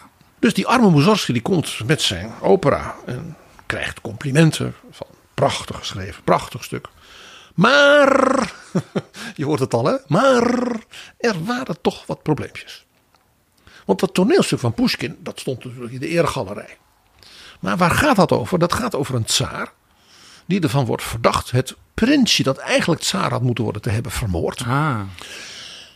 En die na een aantal jaren goed bewind, stond zeer goed aangeschreven, tsaar Boris, door God werd gestraft. Want er kwam hongersnood en ellende en eh, pandemieën. En de Mongolen dreigden weer binnen te vallen. En uiteindelijk gaat hij ten onder. En het allerergste is, het Kremlin wordt dan ingenomen door het leger van Polen, gesteund door de paus. De tsaren hadden op dat moment, zou ik zeggen in 1870, niet zo'n behoefte aan zo'n verhaal Want in hun operahuis. mensen konden het maar eens op een idee worden gebracht. Van, het kan ook nog anders gaan dan het nu gaat. Dus Mussorgsky heeft die opera drie, vier keer moeten herschrijven. Er werden ook gewoon slechte smoezen van ja, we, we missen een vrouwelijke hoofdrol. Moest hij terug. Dus hij heeft een hele scène toegeschreven, een heel bedrijf extra. Dat speelt in Polen. Waarbij dan die Poolse mevrouw die dan de tsarina werd, droomt van de almacht. Ja, dat vonden ze ook weer niet zo'n fijn idee natuurlijk Nee. hè, in het Kremlin. speelt misschien ook wel mee dat ze eh, door hem bijvoorbeeld zo'n heel nieuwe akte te laten bijschrijven. eh, ja, een soort van uitstelgedrag. Hè. Dan hebben we voorlopig dat stuk niet op het podium. Het is ook eh, met Mussorgsky heel slecht afgelopen jaar. Hij is aan de Korsakov gestorven. Hij was geloof ik net 40. Te veel drank Eh, van ellende. Van ellende, ja. Ja. Dus de, er zijn dus van die opera Boris Godunov wel drie verschillende versies. Van hemzelf. Eh, dan is er een van zijn beste vrienden, de andere operacomponist Rimsky-Korsakov. Die heeft de, ja, alle aantekeningen van hem bij elkaar gebracht en er een eigen versie van gemaakt. Die dan wel goedgekeurd is, veel later, door de censuur. En Shostakovich heeft in de tijd van Stalin een moderne versie van exact hetzelfde stuk gemaakt. Dus deze opera die heel veel wordt uitgevoerd, want het is een meesterwerk. Eh, Ja, Pushkin was natuurlijk een geweldige toneelschrijver. Dus iedere zin, iedere ja, confrontatie in het toneelstuk is zo raak. Elk operahuis kan dus als het ware zeggen, weet je wat, we voeren deze versie uit en niet die andere. En ja, dit verhaal over de mooiste, meest beroemde Russische opera ooit. Boris Godunov. En die censuur, dan denk jij. Stalin. Daar hebben we het wel eens over gehad, PG, dat Stalin zelf liefhebber was, maar ook persoonlijk censuur pleegde en opdracht gaf tot herschrijven. Je had als operazanger, als zangeres en ook zeker als componist een hele gevoelige verstandhouding met de worst, de leider. Want aan de ene kant werd je enorm geprotegeerd. Dus je kreeg datsja's, je kreeg een huisje, alles. Want hij was een bewonderaar en een kenner. Hij had zelf zang gestudeerd als jong priester. Maar ja, hij had wel zo zijn opvattingen, zullen we maar zeggen. En als jij niet deed wat hij wilde, dan konden de meest vreselijke dingen met je gebeuren. Ik heb in Londen een keer een toneelstuk gezien waarin Sergei Prokofjev bij Stalin moest komen op appel. En Stalin eh, draaide wat platen van Prokofjev op zijn grammofoonspeler. Van die, van die oude lakplaten waren dat nog. En hij smeet ze kapot op de vloer, Stalin. Met andere woorden, dit beviel de dictator niet, wat hij hier hoorde. Stalin heeft meerdere campagnes gevoerd in de muziekwereld en de operawereld tegen het zogenaamde formalisme. Dus muziek om de muziek. En dus niet muziek die de arbeiders konden fluiten als ze de bioscoop uitkwamen. Laat polar, dat mocht niet. Nee. Die arme, arme Prokofjev.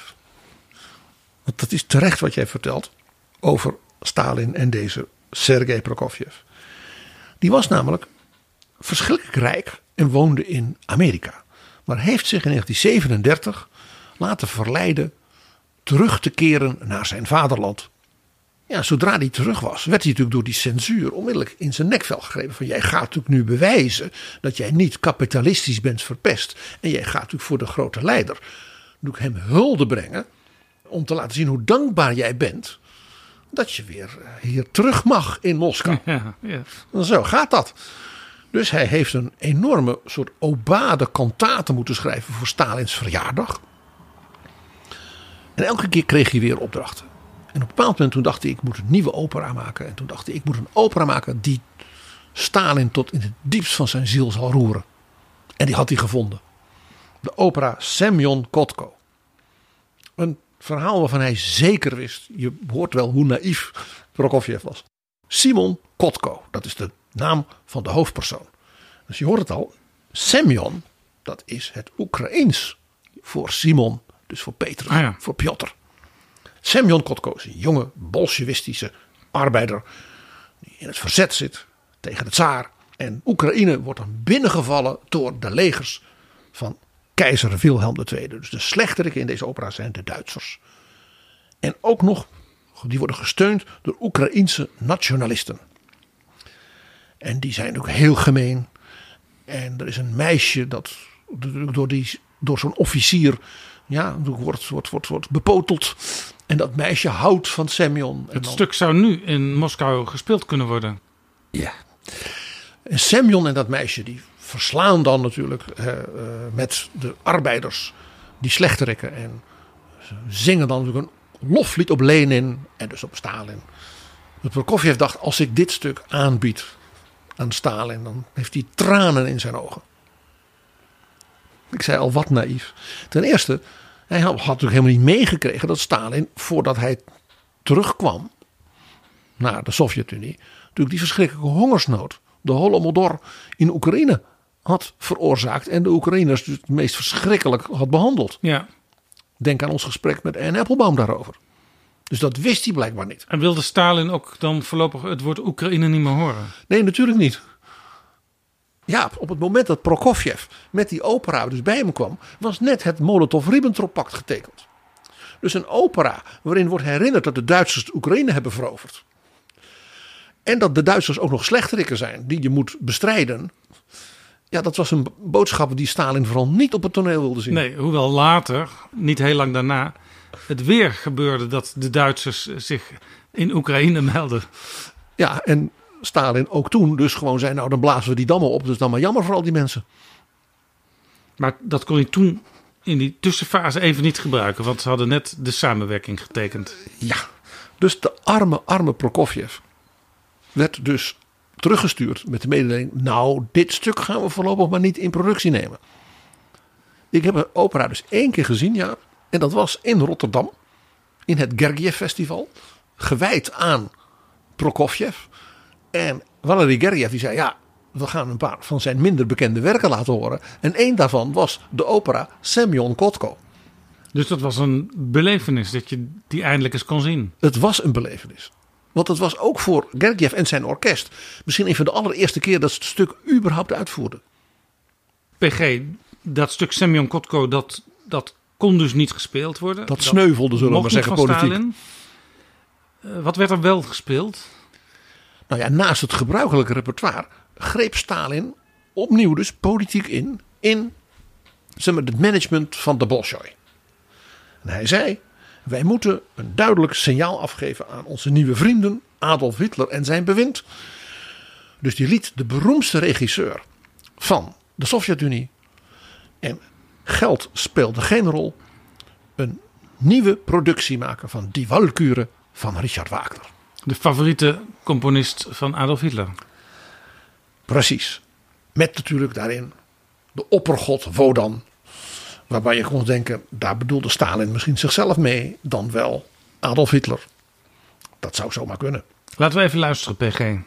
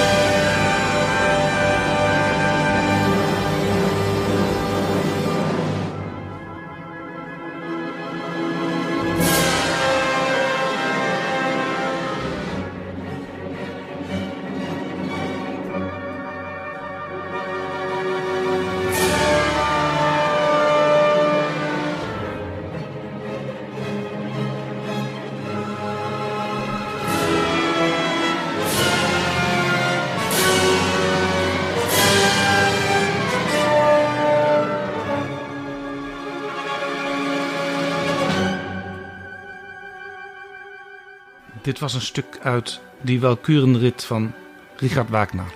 De opening van het derde bedrijf.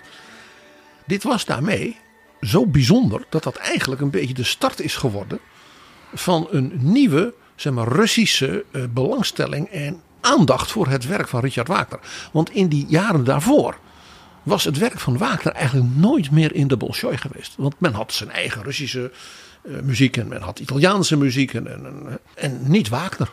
Dus Stalin is ook nog weer met deze merkwaardige beslissing van hem, die natuurlijk politiek volkomen te begrijpen was, de stichter geweest weer van een nieuw stukje traditie in de Russische kunst. Nou Jaap, nou hebben we het over politiek en politiek en opera en politiek. Ik denk dat het wel, wel, duidelijk is. Hè? Zeker nu met Stalin in 1940. Hoe politiek kun je het hebben als het over opera gaat? En dan moet er natuurlijk één naam worden genoemd. Jaap, ik beloof jou, ik noem die naam alleen even, want anders zijn we twee uur verder. En dat is natuurlijk Giuseppe Verdi. De grote Italiaanse operacomponist van de 19e eeuw. Ja, waarom hoort hij hierbij? Dat was een door en door politiek man. Die was zelfs zo politiek dat toen Italië een eigen nazistaat werd, hij meteen in het parlement kwam. Hij is zelfs op een bepaald moment zelfs tot senator voor het leven is benoemd. Zo politiek was hij. Zijn opera's, bijna altijd hadden die een politieke lading. Er zat altijd een, iets rebels, iets revolutionairs in. En wat heel leuk was, iedereen wist dat Verdi een modern liberaal nationalist was. Die dus één Italië wilde in plaats van al die losse koninkrijkjes. En nog een heel stuk van de paus. En al die onderdrukking door de Habsburgers. En door de koning van Napels. Dat was allemaal, Italië was heel achterlijk. Ja, maar hij speelde dus op meerdere schaakborden tegelijk. Zowel in de muziek, de opera, als in de politiek. Ja. De nationalisten tegen al die vorsten. Die hadden dus een leus die ze konden gebruiken. Op posters en zo. Want die was, ja daar kon je geen kwaad van zeggen. Dat was Viva Verdi. Nou ja, wat is, daar, wat is daar nou mis mee? Ja? ja, maar het idee was dat je dan ook voor het nieuwe Italië was. Het Italië als eenheidsstaat. Want Verdi was een afkorting. Vittorio Emanuele Re d'Italia. Dus de koning van Piemonte, want dat was de kandidaat. Die zou dan heel Italië als koning leiden. Dus als je zei Viva Verdi, dan riep je leven de nationale staat van Italië. En ja, tussen Verdi en Maria Callas, waar het toch allemaal mee begon, is natuurlijk het ja, maar een heel klein, klein afstandje. Nou ja, Zij was een grote Verdiaanse zangeres. Vertel daar uh, tot slot van deze aflevering eens over, uh, PG. Wat was de politieke kant van Maria Callas?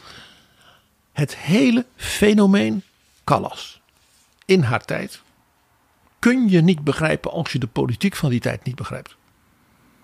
Zij was de grote diva van de jaren van de wederopbouw van Europa.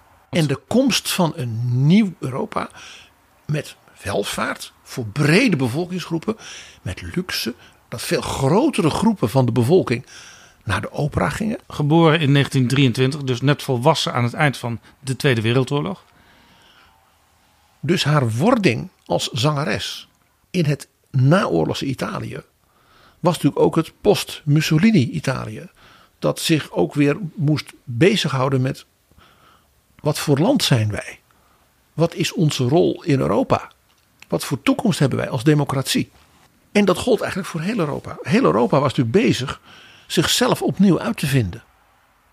Wat Schuman en Monet deden met de economie en de kolen en staal, gebeurde natuurlijk in feite ook mentaal, cultureel. Men zocht weer verzoening. Men zocht weer tussen de verschillende landen geen oorlog en, en, en, en volkerenmoord, maar ontmoeting. Elkaars cultuur weer waarderen en uitwisselen. En Callas was natuurlijk een fantastisch symbool daarvoor. De Griekse godin, die begon als zangeres van Wagner.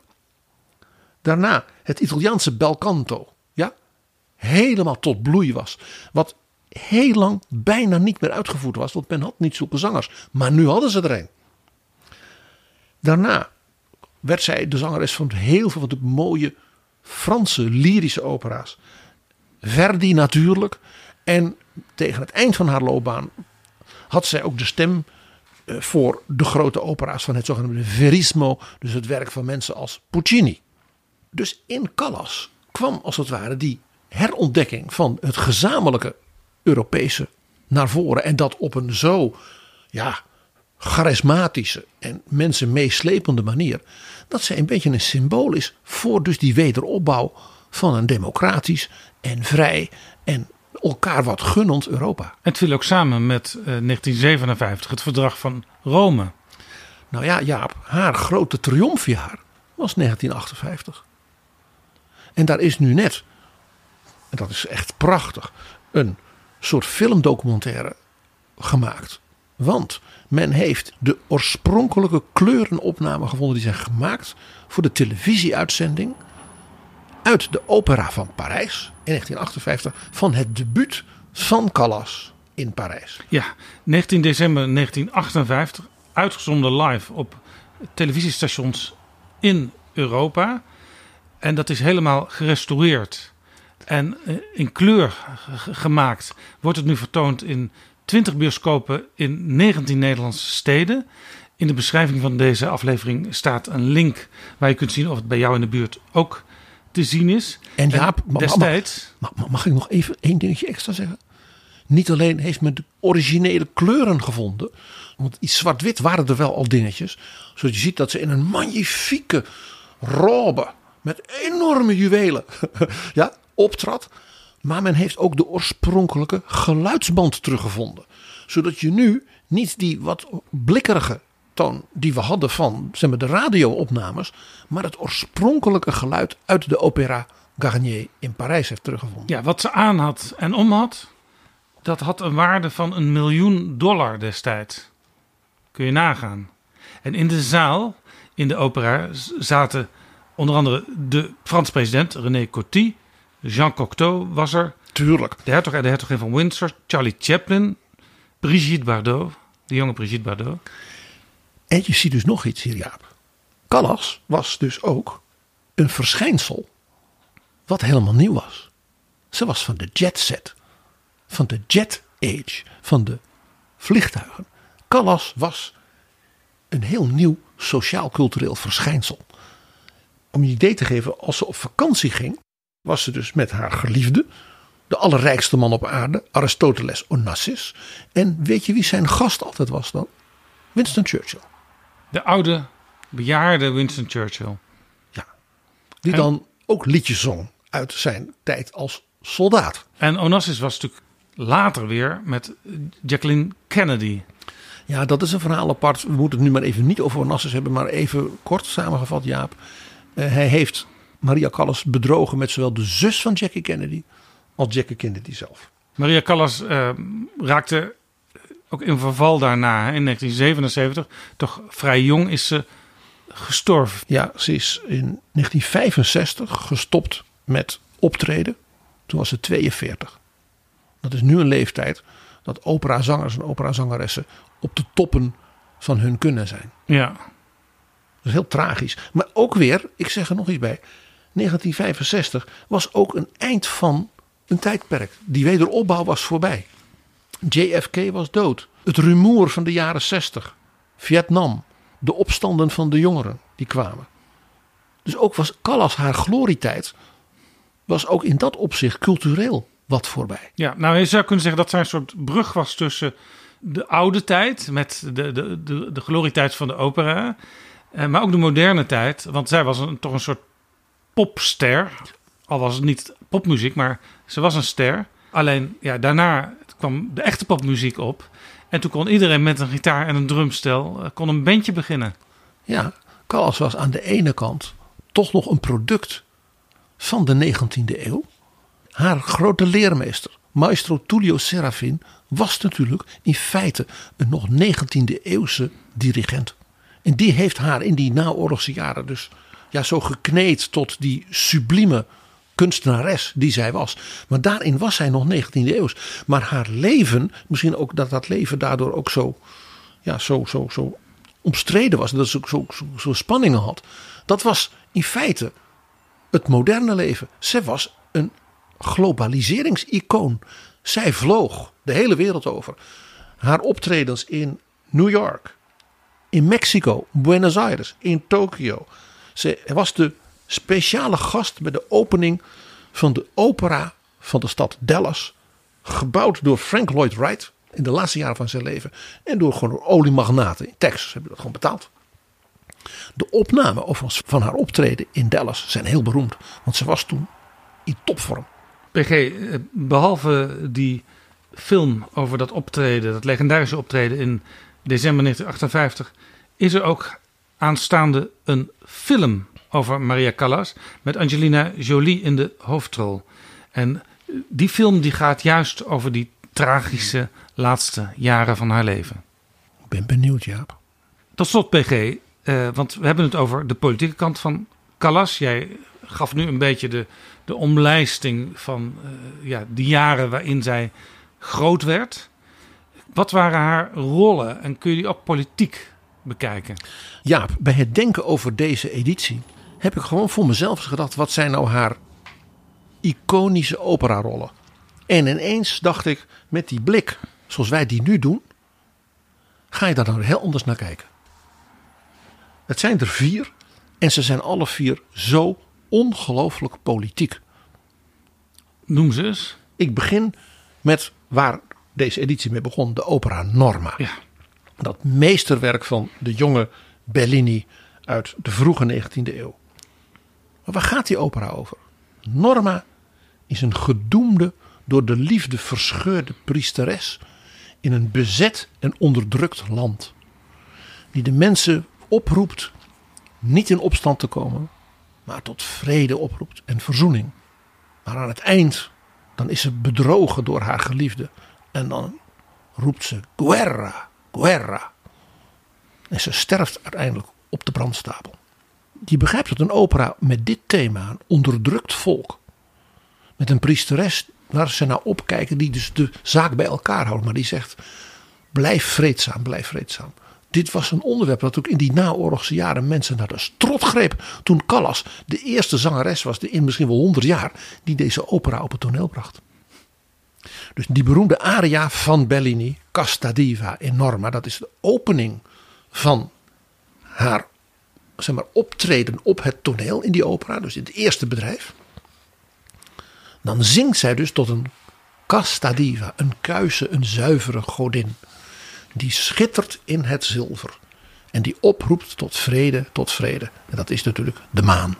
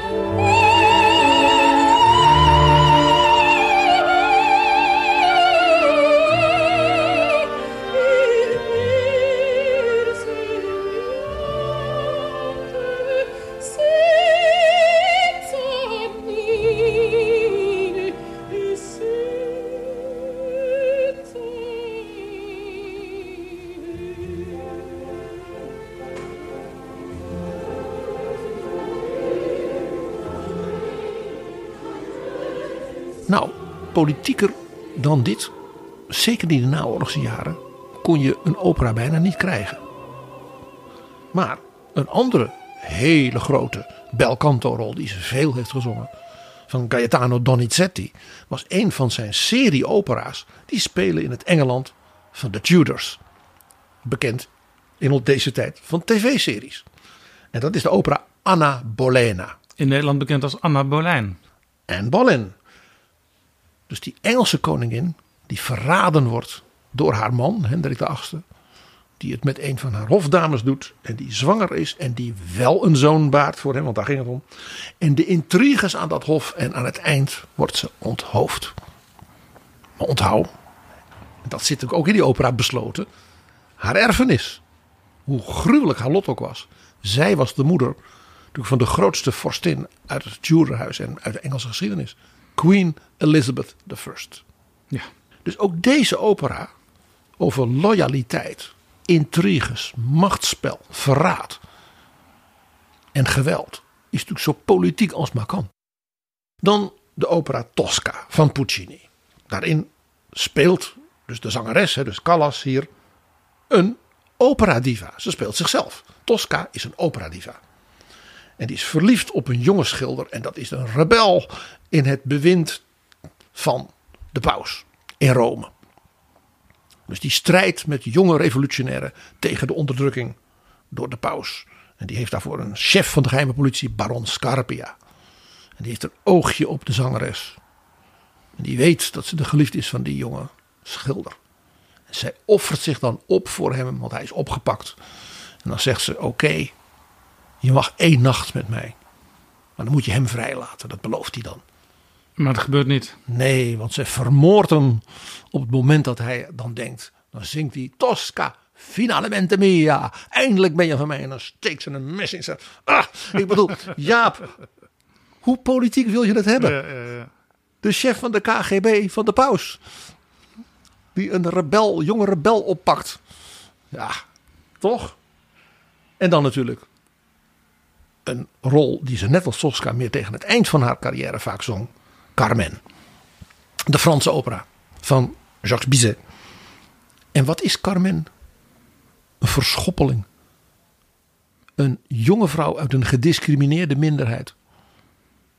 Die vermalen wordt door de jaloezie van mannen. Twee mannen die op haar gunst uit zijn. En ze gaat eraan ten onder. Een sociaal-politiek drama.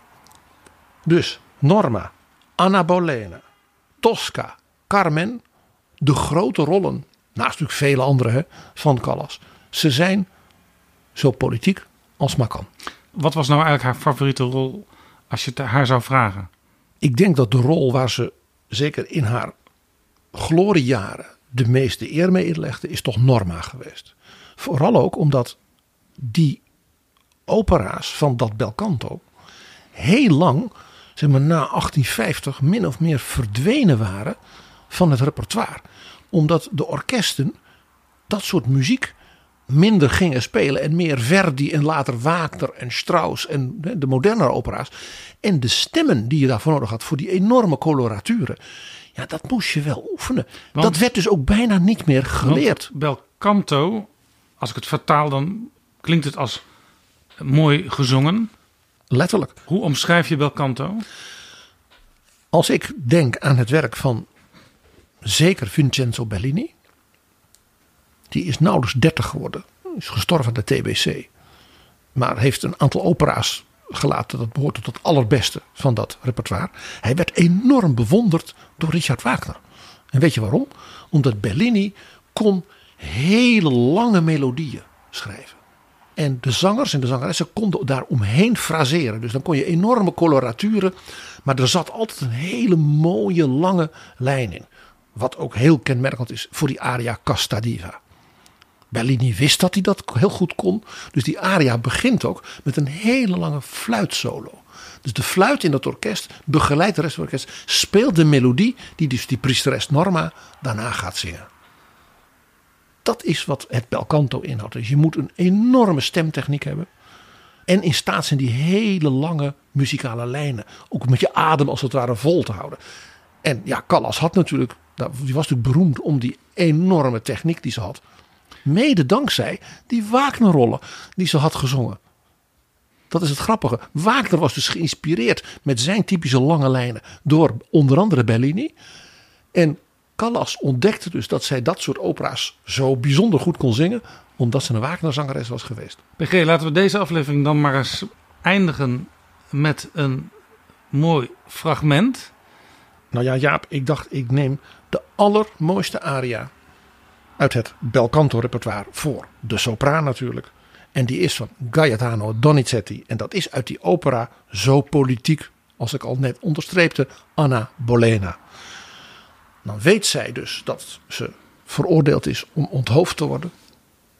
En dan ja, is ze alleen. En dan zingt ze de opera Al dolce guida mij.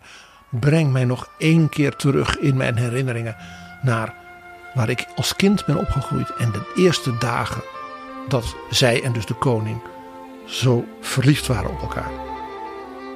Un giorno solo del nostro amor. Geef me nog één keer één dag van onze liefde. En dan moet je horen hoe Callas dat zingt. En hoe ze met dat, ene woordje, un sol, slechts één, die nostro amor. Hoe ze daarmee speelt ja, met die melodie van Donizetti.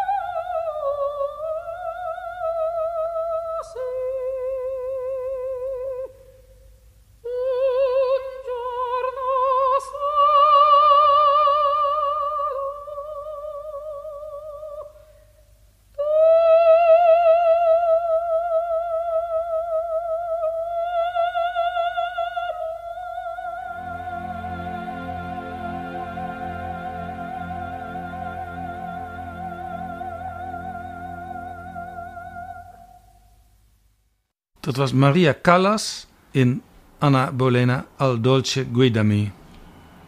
Dankjewel, PG. Dankjewel, Jaap.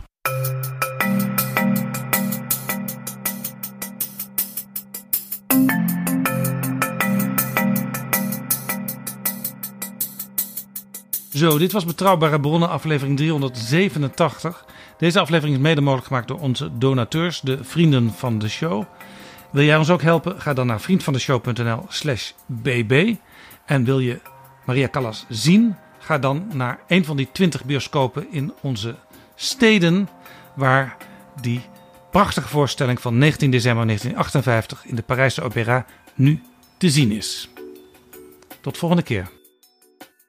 Betrouwbare bronnen wordt gemaakt door Jaap Jansen in samenwerking met dag en nacht.nl.